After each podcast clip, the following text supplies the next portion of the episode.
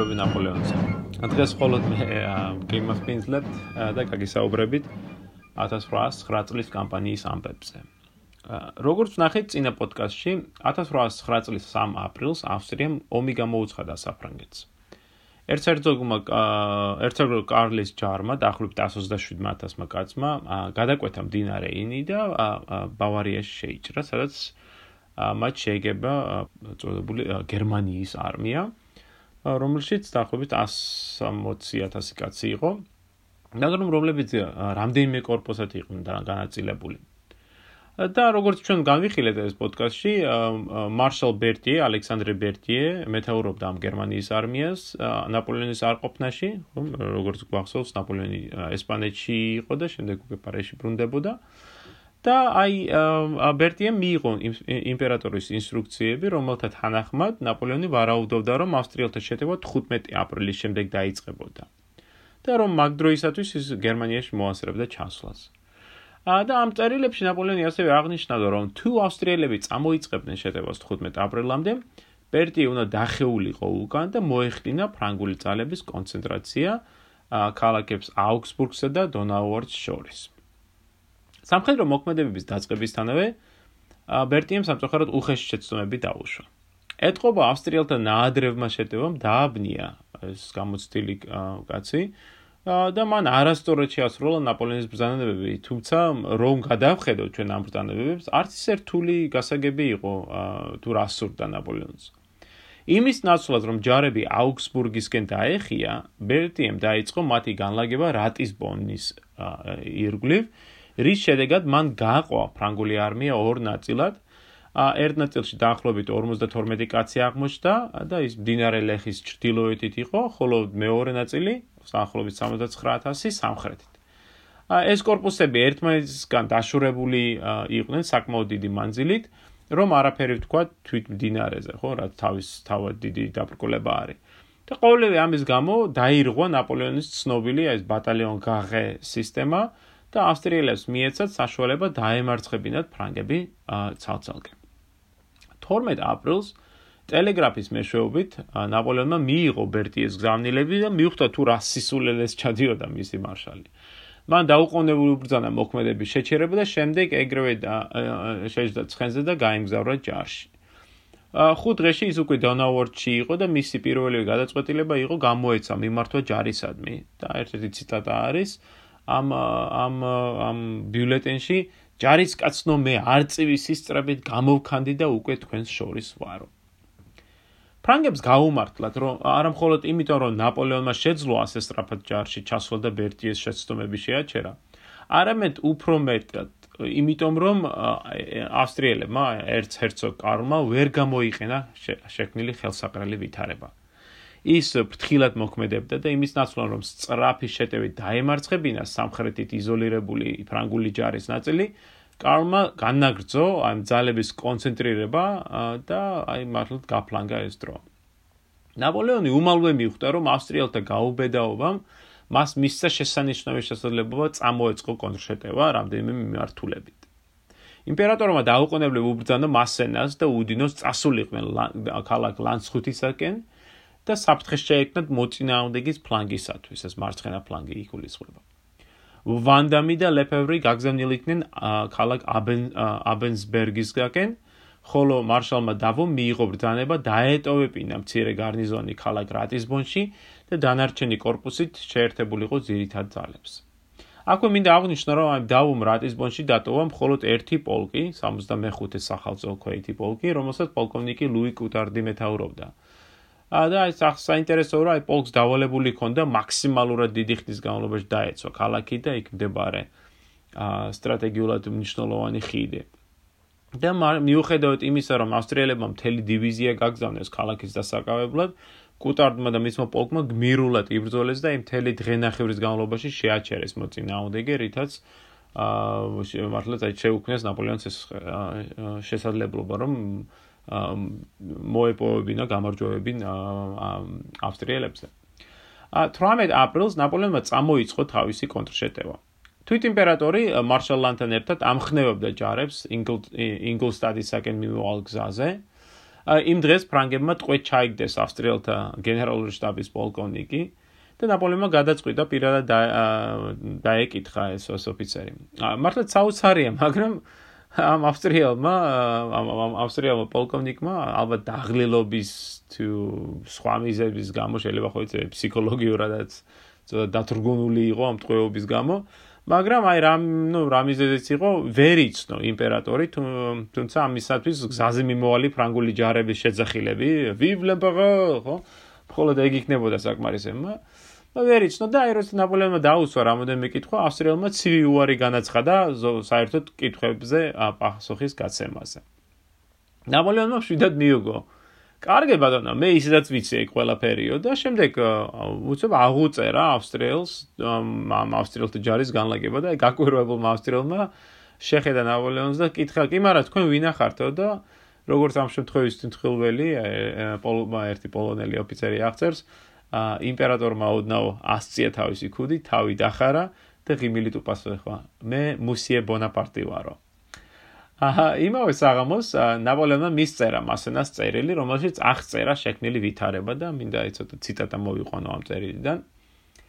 ნაპოლეონი წერს: ერთ ჰერცოგ კარმა ლანსხუთისაკენ ლანსხუთიდან რატისბონისაკენ გვიტევს სამი корпуსით, რომელშიც დაახლოებით 40000 კაცია.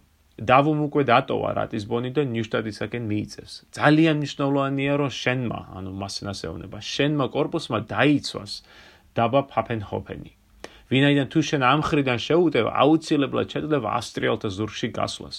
ასე რომ მომდენო 3 დღის განმავლობაში გერმანიის მომავალი გადაწყდებაო. და შემდეგ წერილის ბოლოს ნაპოლეონი მოკვე საკუთარი ხილით მიაწერა: საჭიროა მოქმედება, შემართება და სისწრაფე. შენი იმედი მაქვსო. იმავე ღამეს მასენამ უპასუხა ნაპოლეონს, რომ ყოველივეს იღონებდა, რათა იმპერატორის ბრძანება შეესრულებინა. მართლაც მან მთელი ღამე იარა თავისი корпуსით და შეძლო დილით ნაპოლეონის მიერ მითითებულ პოზიციებზე გასვლა. ამასობაში ერთ-ერთო კარმა მიიღო შეტყობინება, რომ დავუს корпуსი რატისბონის מחლობლად იყო. ავსტრიელთა მონაცემებით ეს корпуსი მოწყვეტილი იყო დაარჩენი ფრანგული ჯარიდან. და ისინი ფიქრობდნენ, ვარაუდობდნენ, რომ დავუს დაახლოებით 30000 კაცი უნდა ყოლოდა. ამიტომ ერცერგორძო კარლმა გადაწყვიტა იერიში მიეტანა დავუს корпуზზე და გაინადგურებინა იგი. ეს გადაწყვეტილება მეტად საინტერესოა ჩემთვის. ვინაიდან აი აქ ხედავ თუ რამდენ მაინც უჭირდა ჯერ კიდევ ნაპოლეონის მოწინააღმდეგეებს ფრანგულ სამხედრო სისტემასთან ჭიდილ. კარლის ქმედება ხომ საკმაოდ გავს აი რუსული ჯარის მეთაურის ლევინ ბენინგსენის გადაწყვეტილებას შეეტია მარშალანის თითქოს და აი მოწყვეტილ ეოლ კორპუს ქალაქ ფრიდლანდთან 1807 წლის ივნისში. კარლას ერთად ერთ ჰერცოგ კარლს ხომ კარგად უნდა ცოდნოდა რა მოხდა იმ ბრძოლაში. თუ როგორ შეძლო ლანმა ხო ამ რუსული ჯარის ერთ ადგილზე გაჩერება და შემდეგ ნაპოლეონო ძირითადი ძალებით მივიდა და გაანადგურა ისინი. უფრო მეტიც, ხომ წარმოუდგენელია, რომ კარლს არ სცოდნოდა თუ რა სასწაული მოახდინა დავომ 3 წლით ადრე აუშტატთან ბრძოლაში, სადაც მთელ პრუსიულ ჯარს შეეჭირა და დაამარცხა. და ყოველივე ამის მიუხედავად, აი კარლმა მაინც გადაწყვიტა ამ ერთი შეხედვით მოწყვეტილ ფრანგულ корпуსზე თავდასხმა და განადგურება. მომდენო დღეს 19 აპრილს სოფლებთან, ტეუგენთან და ჰაუზენთან დაიწყო ბრძოლა დაავოს корпуსა და ერცერცოგ კარლის ძირითად ძალებს შორის. ამ შეტაკებებში აშკარა იყო თუ რაოდან დიდი მოხერხებულობითა და მანევრირებით იბრძოდა დავუდა მისი აი სამი მართლა ცნობილი გამოჩენილი გენერალი გუდენი, ფრიანი, მორანი ეს გენერალები რომელთაც ფრანგულ ჯარში ასე უკვდავების სახელი იყვნენ ცნობილები. და აი თუ რამდენად მოხერხებულად მართლა იბრძვიან ისინი, რამდენად მოქნილი არის ფრანგული სამხედრო სისტემა. ერცერცოგ კარლის გეგმა იყო სამი ძლიერი კოლონით მიეტანა იერეში დავოზე. ცენტრალური კოლონა უნდა ადგილზე უფრო სწორედ ცენტრალურ კოლონას ადგილზე უნდა დაეჭირა ეს ფრანგები და დაარჩენ ორ კოლონას საფლანგო მანევრებით ზურგში უნდა გასულიყვნენ. მაგრამ ბრძოლის დროს ერთმა ავსტრიულმა კოლონამ ერთ ავსტრიულ კოლონას საერთოდ გზაებნია და ვერ შეძლო ბრძოლის ველზე მისვლა. აა დავუს კავალერიამ შეძლო მეორე საფლანგო კოლონის შეჩერება და აი ავსტრიელთა ძირითადი შეტევა მხოლოდ ერთი კოლონით იქნა შესრულებული ისიც წარუმატებლად და აი ჩვენ თვითონ ამ შეტაკების დროსაც ხედავთ თუ რამდენად ბევრად უფრო დიდი უპირატესობა აქვს დავუს, აი გამოცდილ ვეტერან ჯარისკაცებს, ხო აი აურშტატთან, აუსტერლიცთან და სხვა ბრძოლებში გამობრძმედილ ფრანგებს აი ამ ავსტრიელებთან. ტეგენ ჰაუზებთან მოპოვებული გამარჯვება ფრანგების პირველი მნიშვნელოვანი წარმატება იყო და ამ ბრძოლით დაიწყო ეგრეთ წოდებული 4 დღიანი კამპანია, რომელიც ავსტრიელთა დამარცხებით დასრულდება. მართალი ერცერდო კარლს გააჩნდა რიცხობრივი უპირატესობა, აი ამ მიმართულებით მას უშუალოდ ხელთქვეშ ყავდა 95000-მდე კაცი, მაშინ როდესაც ფრანგებს 80 80 85000 კაცი ყავდათ. მაგრამ აი ნაპოლეონმა შეძლო ინიციატივის ხელში ჩაგდება და აი დაუყოვნებლივ დაიწყო ტეგენჰაუზენიდან უკან დახეული მოწინააღმდეგეების დადევნება, რათა მას დასვენება და აი გონზე მოსვლა არ ეცლია. ლეფევრმა ახალი დამარცხება აწვნია ავსტრიელებს ანტხომფენთან, ხოლო მონბრუნის კავალერია მოიპოვა გამარჯვება შტეითჰარტთან. იმპერატორის გეგმა იყო ჯარის ერთი ნაწილი ნაწილი დადევნებულიყო ავსტრიელებს, ხოლო მეორეთი წამოეწყო საფლანგო მანევრი, რათა გადაეჭრა ავსტრიელთა ვენისაკენ დასახევი გზა და ალყაში მოექცია ისინი. ამ ხრივ ეს ჩანაფიქრი მსგავსია, აი 4 წლით ადრე ულმთან განხორციელებულ ოპერაციისა, რომლის შედეგად როგორც გვახსოვს ნაპოლეონმა გაანადგურა გენერალ მაკის ჯარი ხო ალყაში მოაქცია და შემდეგ აიძულა ის დანებებულიყო ნაპოლეონმა განალაგა მარშალ დავუ მარცხენა ფლანგზე ლეფევრი და ლანი ცენტრში ხოლო უდინო მარჯვენა ფლანგზე. ამავე დროს მასენა მიიღო ბრძანება დაუყოვნებლივ შეეტია ლანცხუტისაკენ რათა გასულიყო ავსტრიელთა საკომუნიკაციო ხაზებზე. ნაპოლეონმა გაათენა 20 აპრილის ღამე. თელ თითქმის თელი ღამე წერდა ბრძანებებს, ხოლო დილის 6 საათზე მარშლებთან ლანთან და ბესიერთან ერთად ქალაქ აბენსბერგში გაემგზავრა. ამ ქალაქთან დღემდეა შემორჩენილია ეს მოზრდილი ბორცვი, რომელსაც ადგილობრივები ნაპოლეონ შოჰეს უწოდებენ, სადაც ნაპოლეონმა სიტყვით მიმართა ბავარიელთა корпуს. როგორც გვახსოვს, ბავარიელები ამ კამპანიაში საფრანგეთის მოკავშირეები არიან და სწორედ საფრანგების გვერდიგვერდი ბრძვიან და ნაპოლეონი ამ ბავარიელ корпуს შეხვდა და მას სიტყვით მიმართა. და ეს არის აი სიტყვის ნაწილი. ბავარიელო ჯარისკაცებო მე მოვედი თქვენთან არა როგორც ფრანგთა იმპერატორი, არამედ როგორც თქვენი ქვეყნისა და ზოგადად რაინის კონფედერაციის დამცველი. დღეს თქვენ მარტო იბრძოლებთ ავსტრიელების წინააღმდეგ. თქვენს რიგებში არც ერთი ფრანგი არ იქნება. მაგრამ ეს სრულები დარწმუნებული ვარ, რომ თქვენ დიდი შემართებით და ვაშკაცობით შეიბრძოლებით. 200 წლის განმავლობაში ბავარიელთა დროშები ამაყად ფრიალებენ ავსტრიის წინააღმდეგ. ეხლაც ასე იქნება და ჩვენ მალე ვიქნებით ვენაში, სადაც ჩვენ დავსჯით ავსტრიელებს თქვენი ქვეყნის წინააღმდეგ ჩადენილი ცოდვებისათვის. ავსტრია სულს დაყოს და განადგუროს თქვენი ქვეყანა, დაშალოს თქვენი შენაერთები და გაგანაწილოს თქვენ საკუთარ ჯარში. ბავარიელნო, ეს არის უკანასკნელი ომი ამ მოწინააღმდეგის წინააღმდეგ. შეუტიეთ მას ხიშტები და სრულებით გაანადგურეთ იგი.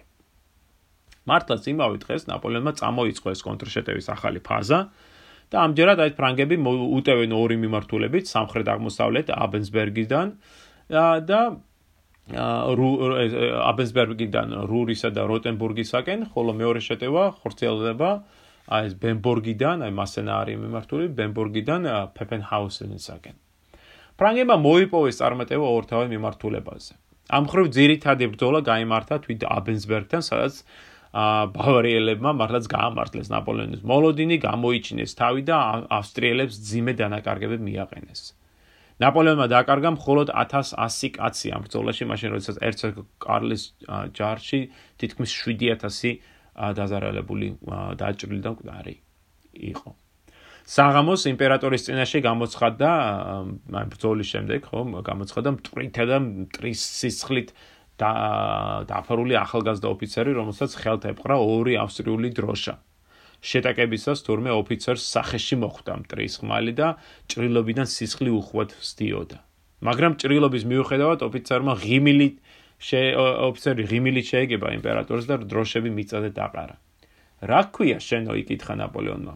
გიდიონ ლიონი სირ უპასუხა ახალგაზრდამ კარგი ჯარისკაცი ხარ შენ დაგიმახსოვრე და თავის დროზე დაგიფასებ ამაქსო უთხრან იმპერატორმა მართლაც ომი ახალი დასრულებული იქნება, ხო, 1809 წლის უკვე შემოდგომაზე, როდესაც ახალგაზრდა ლეონი მიიღებს შეტყობინებას, რომ იმპერატორის ბრძანებით ის გადაყვანილი იქნება გვარდიის, იმპერატორის გვარდიის ერთ-ერთ საუკეთესო პოლკში, შასორებში.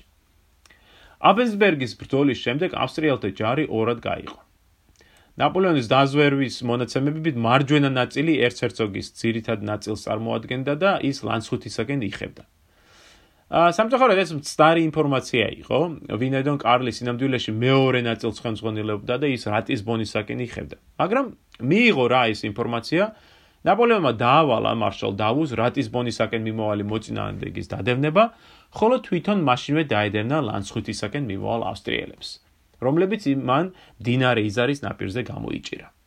აქ ჩვენ კვლავ ხედავთ ნაპოლეონის სამხედრო ხელოვნების ერთ-ერთ ძირითად პრინციპს: რიცხობრივი უპირატესობის მოპოვება სამხედრო თეატრის კონკრეტული მიმართულებით.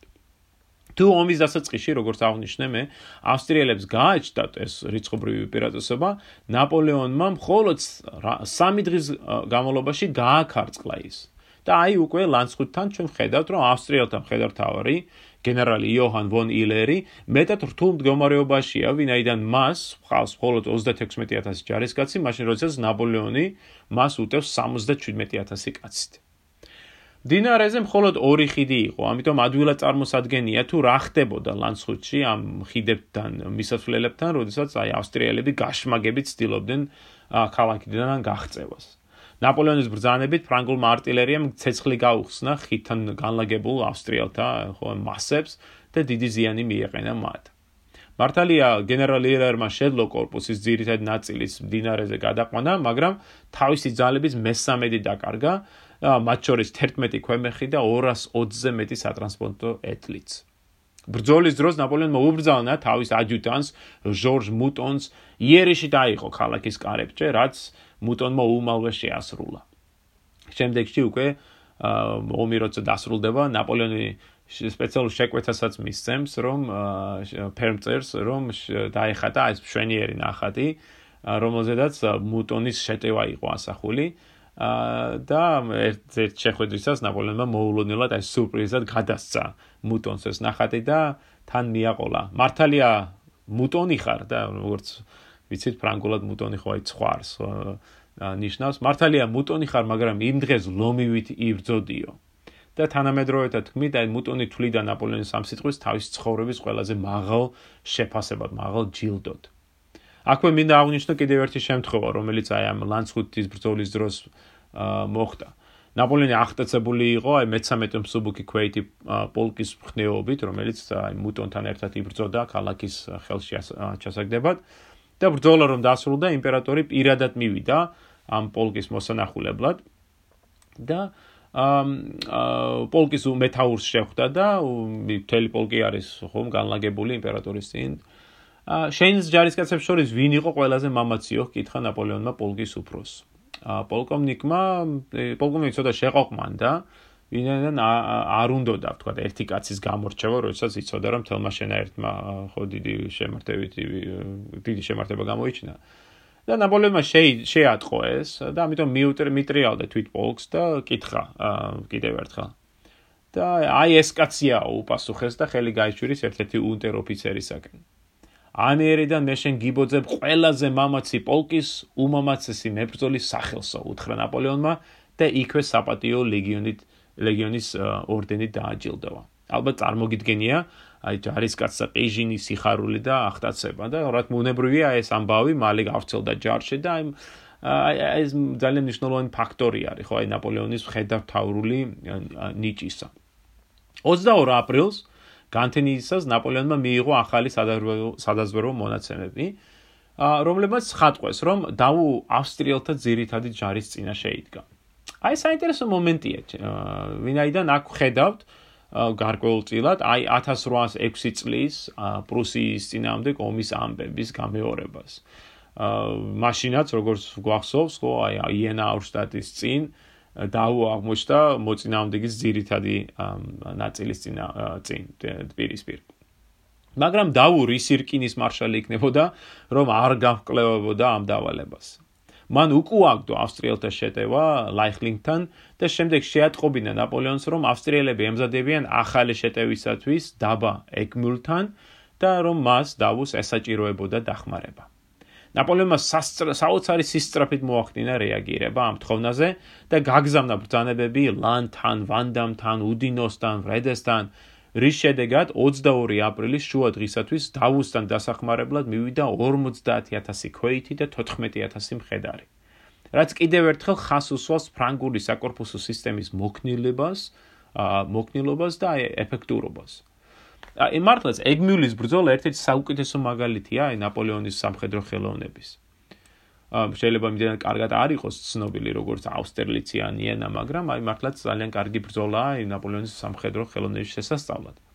ამ ბრძოლის დასაწყისში ჩვენ ხედავთ ფრანკთა ერთი корпуსი, დავუს корпуსი, რომელიც ებრძვის ავსტრიელთა მთელს ჯარს, ხო, ამ ძირითად ჯარის უფრო სწორედ ძირითად ნაწილს, დაახლოებით 60000-მდე ავსტრიელია აქ. და ამ ბრძოლის დროს ეს корпуსი წარმატებით ახდენს შებრძოლებას მოწინააღმდეგის ერთ ადგილზე გაჩერებას, რითაც საშუალებას აძლევს ნაპოლეონს მოსულიყო დამხმარე корпуსებით და მტრის მარცხენა ფლანგი გაენადგურებინა. უნდა აღნიშნო, რომ წამოიწყო რაიმ 18 აპრილს ეს სამხედრო ოპერაცია. ნაპოლეონი მუდამ მოქმედებაში იყო, არ ჩერდებოდა, არ ისვენებდა. აი ეს როგორც აღნიშნე დასაწყისში ეს 4 დღიანი კამპანია არის, ფაქტობრივად 18 აპრილიდან 22 აპრილამდე და მართლაც აი განუწყვეტლებ მოქმედებს, რათა არ მისცეს მოწინააღმდეგეს გონზე მოსვლის საშუალებას. ეგმიulis ბრძოლის შემდეგ ნაპოლეონი აღნიშნა და კიდეც რომ აი ბრძოლის წინ მარშალ ლანი იმდენად დაქანცული და იმდენად დაღლილი იყო, რომ მართლაც გათიშული იყო, ისე ძიმედ ეძინა და რომ ნაპოლეონს 1-2 წიხლის მიღმა დაჭირდა, რომ მარშალი გაეღვიძებინა. ეგმილთან დამარცხების შემდეგ ერთ-ერთი კარლი იძულებული იყო უკან დახეულიყო რატისბონისაკენ. 23 აპრილს ქალაქს მიადგა ნაპოლეონიც. მართალია რატისბონი კარგად დაცული იყო, მაგრამ ნაპოლეონმა მაინც წამოიწყო იერიში, ვინმე არ სურდა აი ავსტრიელებისათვის მიეცათ დუნაის მეორე მხარეზე გაქცევის საშუალება. ფრანგებმა მიიტანეს რამდენიმე ძლიერი იერიში ქალაქის გალავანზე, სანამ ქალაქში შესვლას შეძლებდნენ. ბრძოლის დროს დაიჭრა ნაპოლეონიც, რომელსაც ტყვია მოხდა მარჯვენა ტერფში, მაგრამ სერიოზული ჭრილობა არ იყო. ფრანგებმა შეძლეს ქალაქის აღება მარშალ ლანის გმირული შეტევის შემდეგ, ლანი უშუალოდ გაუძღვა იერიშ კიბით ხელში და აი სხვებს ეცილებოდა ქალაქის გალავანზე აძრომის პირველობაში.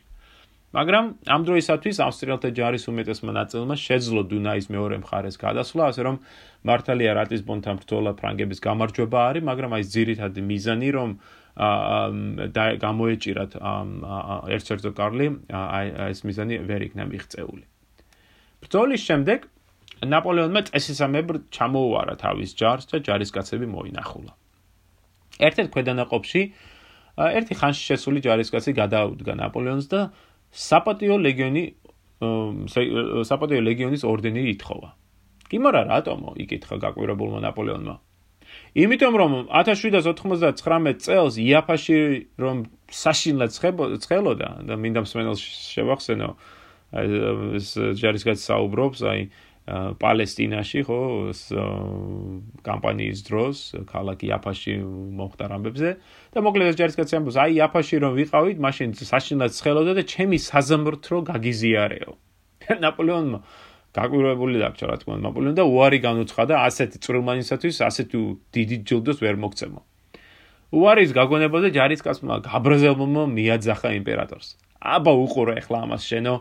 11 კამპანია გავატარე. ვიბრძოლე იტალიაში ეგვიპტეში ავსტრიაში პრუსიაში პრუსეთში პოლონეთში და სხვაგან. დავიჭერი ლოდისთან კასტილიონესთან პირამიდებთან აკრასთან აუსტერლიცთან ფრიდლანდთან ხოლო არკოლასთან ბრძოლაში 7 ჭრილობა მივიღეო და ამ დალოცვის ერთი ორდენი ენანება ჩემთვისო. ამ გაგონება, ამის გაგონებაზე ნაპოლეონის ხმამაღლა გაეცინა, კერდიდან მოიხსნა საპატიო ლეგიონის ორდენი და ჯარისკაც იქვე გადასცა და თან 1200 ფრანკის პენსია დაუნიშნა. როგორც აღნიშნავდა ერთი ფრანგი ოფიცერი, სწორედ აი ასეთი უშუალობით, სწორედ ასეთი პირდაპირი ურთიერთობით ჯარისკაც თან აი სწორედ ყოველი ამის შედეგი იყო ის რომ ჯარისკაცები აღმერთებდნენ იმპერატორს 24 აპრილს ნაპოლეონმა დაასვენა თავის დაღლილ დახანსული ჯარი. კლავ მოინახულა ქვედანაყოფები. დეტალურად გამოკითხა ოფიცრები. ერთ-ერთი ასეთი საუბარი არის აღწერილი ერთ-ერთი ოფიცრის ჩანაწერებში. და ეს ნაპოლეონი ხვდება ერთი პოლკის უფროს და ეკითხება. რამდენი კაცი ასეულში? 84 სիր. რამდენი ახალწეული? 22 სիր.